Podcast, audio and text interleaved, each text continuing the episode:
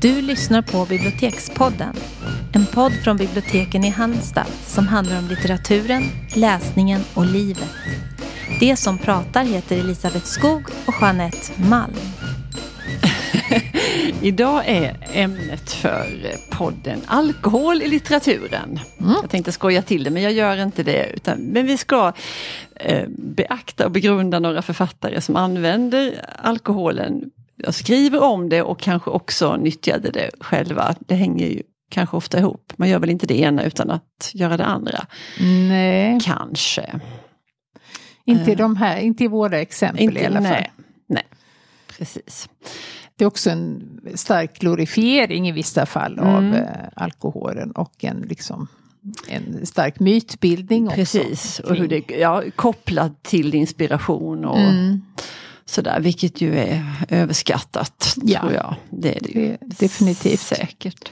Mm, och det är också, när vi har pratat om det här ämnet så är det mycket gubbar, mycket män, mycket farbröder som ägnar sig åt detta. Inte så mycket Nej, och det tror jag också på att de män som har varit suputer och skribenter och författare, där har det funnits då den här liksom positiva mytbildningen och lite, kanske lite sorgligt också, medan kvinnor som dricker de ju bara patetiska. Ja. Det eh, finns liksom ingen eh, det finns ingen aura av det slaget runt de här kvinnorna. Kvinnliga alkoholister? nej. nej. det är nej. väldigt mycket mer skambelagt och, och de har nog gjort det i det tysta på ett annat sätt. Ja. Inte, de har inte gjort sig berömda för sina barslagsmål som Nej. Hemingway till exempel. Precis. Och är någonting som manliga författare oftare har än kvinnliga så är det en fru som håller reda på saker och ja. ordning och putsar fasaden och Torkar håller undan. Mm. Ja. Mm. Och svarar i telefon på den tiden när sådana fanns en i hemmet. Mm. Uh, nu kommer jag att tänka på Henrik Tikkanen såklart. Ja, Honom nämnde vi inte här. Lätt. Uh, mm. Nej men vi gör en liten, vi sveper runt och gör några nedslag här mm, bland, bland flaskor som, och glas. Ja, mm. Vi har uteslutit hur många exempel som helst utan ja. det här är ett litet personligt urval. Absolut. Eh, men jag skulle faktiskt vilja börja med en dikt. Jag tycker mm. det var mm. alldeles för länge sedan vi pratade om Charles Baudelaire. Ja det var det, det, det var väldigt länge sedan. Väldigt länge sedan, mm. det var ju min ungdoms eh, stora var det det? Ja, Oj. han och Stagnelius. Ja, Stagnelius visste jag ju. Men att... På den där sida vid sida. Det var ju mycket sprit och, och droger båda ja. två. Jag vet inte vad det var som där... lockade med Nej. det. Men i alla fall en prosadikt. Han skrev mycket prosadikter, den gode Baudelaire. Mm. Och så här lyder den då. Man måste alltid vara berusad. Det är alltid det som gäller. För att inte känna tidens förfärliga ok som krossar era skuldror och tynger er till jorden måste ni berusa er oavlåtligt. Men med vad? Med vin, med poesi eller med dygd, allt efter behag, men berusa er. Om ni någon gång vaknar upp på trappan till ett palats i det gröna gräset på en dikesren eller i den dystra ensamheten i ett rum och redan känner ruset fördunsta. Mm. Fråga då vinden, vågen, fågeln, stjärnan, uret. Fråga allt som flyr, allt som suckar. Fråga vilken tid det är och vinden, vågen, fågeln, stjärnan och uret ska svara er det är tid att berusa sig. Mm. För att inte bli tidens förpinade slavar, berusa er. Berusa er utan uppehåll. Med vin, med poesi eller dygd, allt efter behag. Mm. Det är underbart.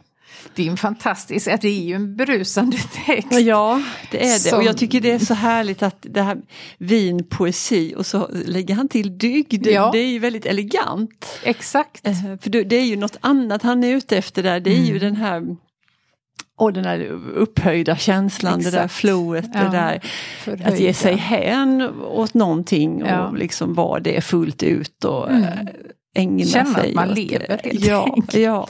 ja.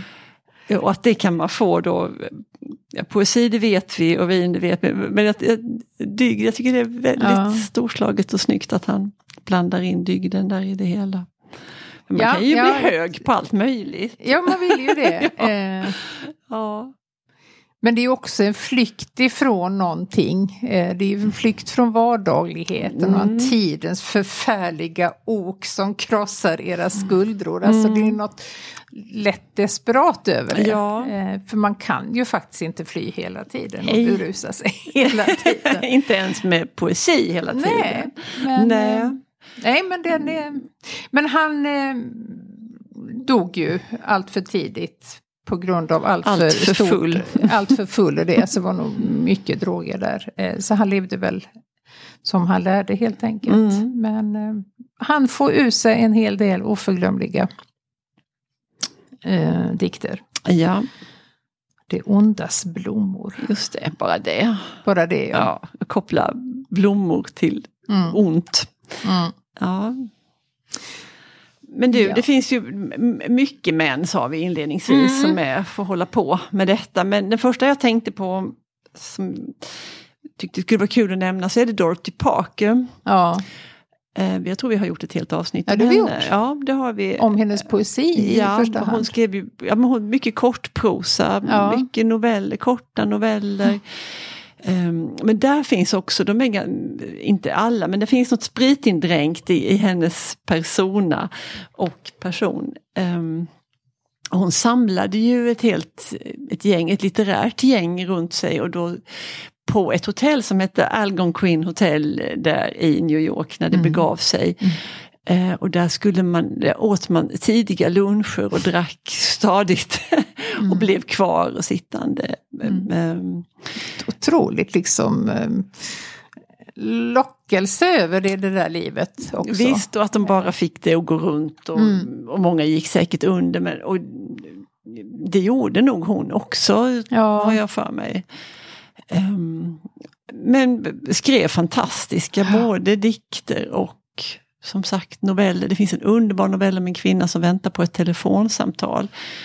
Mm. Um, och hur man kan skriva en, en flera sidor lång novell mm. om det här samtalet som inte kommer och hur hon tänker och bönar och ber och, låtsas distrahera sig. Oh. Men hela medvetandet är ja. ändå starkt kopplat Telefonen. till den här Tysta. telefonen. Den är tyst, novellen igenom. Ja, hon var ju också fruktad för att hon var så skarp. Hennes ja. penna var så skarp.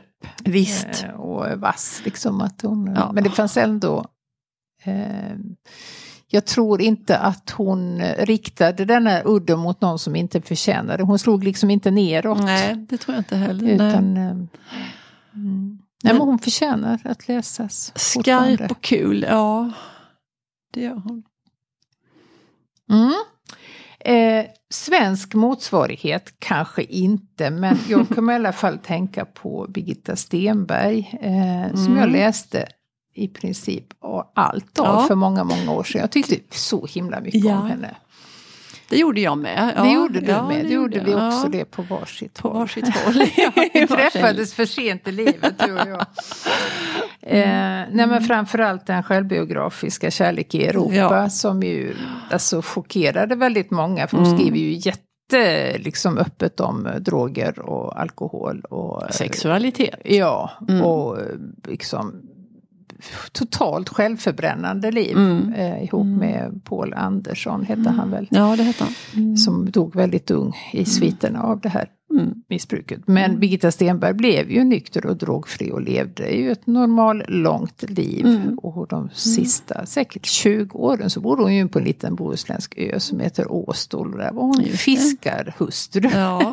hon, hon, hade ju väldigt många sidor i ja. sin Det kommer jag ihåg för hon var här på ett författarbesök då för tiden när hon bodde där på Åstol med sin fiskare. Och han, han, kom, han körde henne hit och det kom en liten pickup sådär och utklev fiskaren med ja. du vet, sparkbyxor och, ja, stövlar. Ja. det ser ut som man kom direkt ifrån Bader. båten.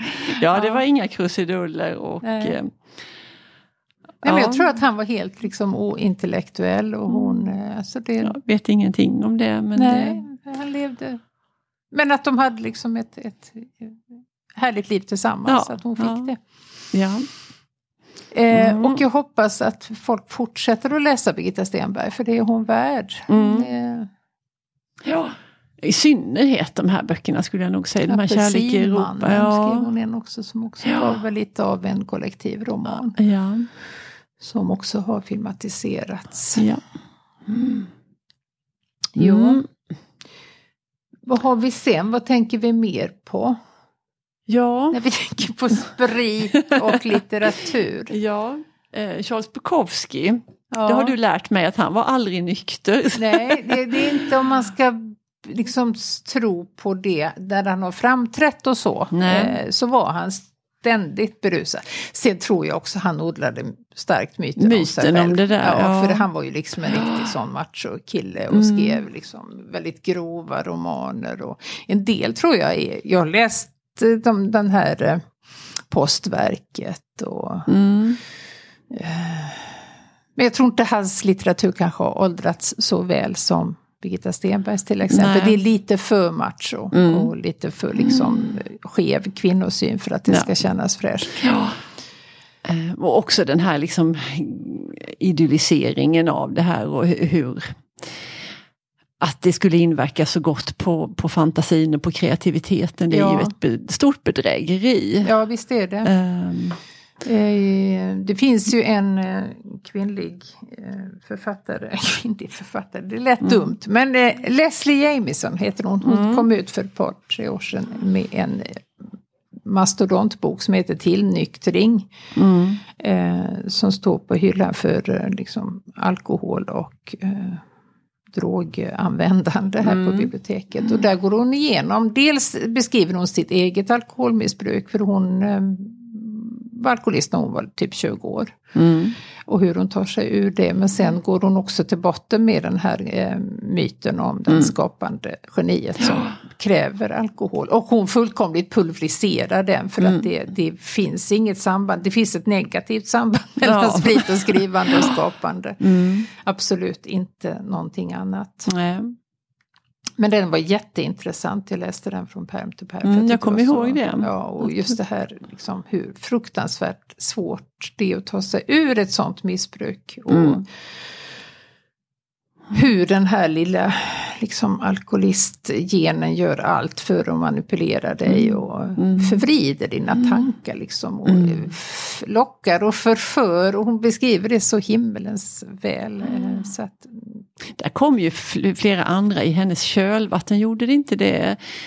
Kom det inte en bok av en svensk journalist också som heter Du som var så rolig att dricka jo, med? Den ja, har jag också läst. Ja. ja. Och så tänker jag på Hanna Hellqvist ja, som skrev en lång artikel mm. i DN när hon berättade om, om sitt mm. alkoholmissbruk. Ja. Mm. Jo, så det har väl blivit mer eh, accepterat även för kvinnor såklart. Men eh, under tiden de har druckit så har de ju smugit med det och dolt det så att folk har ju inte liksom nästan vetat nej, om att de nej. har varit missbrukare medan männen då har kunnat leva ut det på ett helt ja. annat sätt för att mm. skammen finns inte där. Nej. Eh, ja, nej, men vi har ju Ulf Lundell och Jack, det var ju ett fasligt eh, mm. festande hela den boken igenom. Precis. Hemingway också. Ja, och jag tänker Claes Östergren har ju också tangerat de här frågorna. Ja. I, i både Gentlemen och, ja. och Gangster. Mm. Mm. Men det är också en tidsanda som har förändrats. Jag tänker om man tittar på gamla tv-serier, som den här Mad Men till exempel. Ja. Som ju skildrar 50-talet. Alltså de hinner ju inte in på kontoret Nej. på morgonen förrän det slås upp en stadig whisky. Hur orkar de? Nej. Så förstörda de måste ha varit. Mm. Um, nej, men jag skulle inte kunna tänka en redig tanke. Nej, och skulle inte ens, nej, men bara tanken på att man skulle kunna dricka nej, någonting. Nej, men de är väl aldrig nyktra då, utan det är nej. väl som den här filmen vi såg. en runda, till, till, att de höll sig liksom på en konstant nivå av ja. Eh, berusning mm. som kanske ja, funkade ett tag. Funkade Möjligen. ett tag. Mm. Mm. Ja, Eh, det är i alla fall roligt att läsa om andras bruk, men ja. själva håller vi oss nyktra. Mm. Det gör vi. Sagt och, och gjort. Ja. nu ska vi dricka kaffe. Ja, det ska vi. Hej då! Hej.